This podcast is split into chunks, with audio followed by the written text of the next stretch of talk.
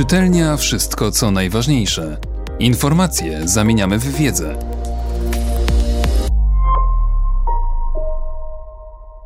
Martin O'Brien Papież nie Włoch i to za żelaznej kurtyny. Jestem zaszczycony, że mogę przyjąć zaproszenie, by podzielić się kilkoma słowami refleksji o świętym Janie Pawle II z okazji obchodów setnej rocznicy urodzin tego wielkiego człowieka. Jestem katolikiem z Irlandii Północnej.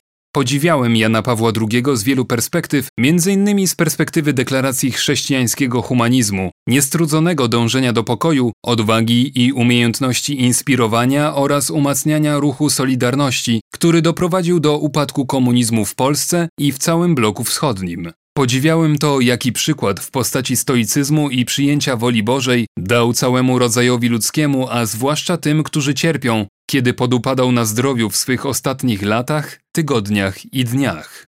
Jako młody dziennikarz niedługo po ukończeniu studiów doświadczyłem fali ekscytacji, która ogarnęła wielu, gdy 16 października 1978 roku ogłoszono wybór Karola Wojtyły na papieża.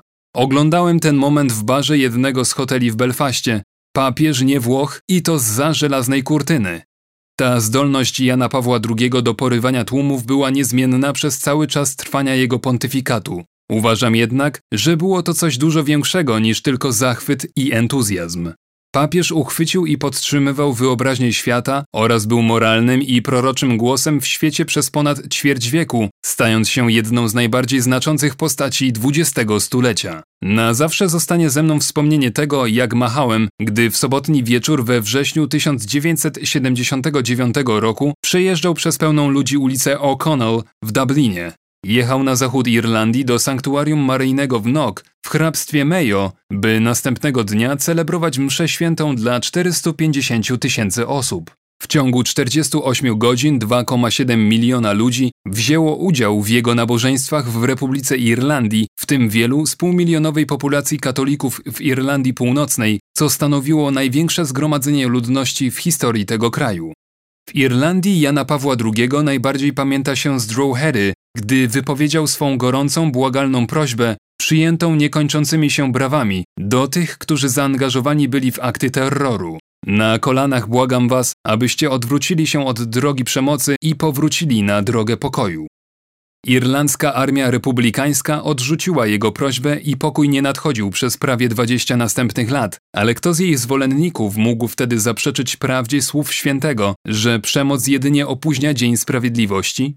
Uważam, że wiele wypowiedzi papieża Jana Pawła II przetrwa próbę czasu, czy to będzie jego wezwanie w encyklice Evangelium Vitae z 1995 roku, by wybrać kulturę życia zamiast kultury śmierci, czy stwierdzenie w książce Przekroczyć próg nadziei, że Ewangelia jest największym potwierdzeniem wszystkich praw człowieka. Późnym wieczorem i wczesnym rankiem z 4 na 5 kwietnia 2005 roku uczestniczyłem w wystawieniu jego trumny w Bazylice Świętego Piotra. Przebywając wówczas w gęstym tłumie ludzi ze wszystkich krajów świata, czułem, jak inni, pokorę i zaszczyt, że mogę oddać hołd jednej z największych postaci naszych czasów. Czytelnia Wszystko, co najważniejsze. Czytał Mateusz Mleczko.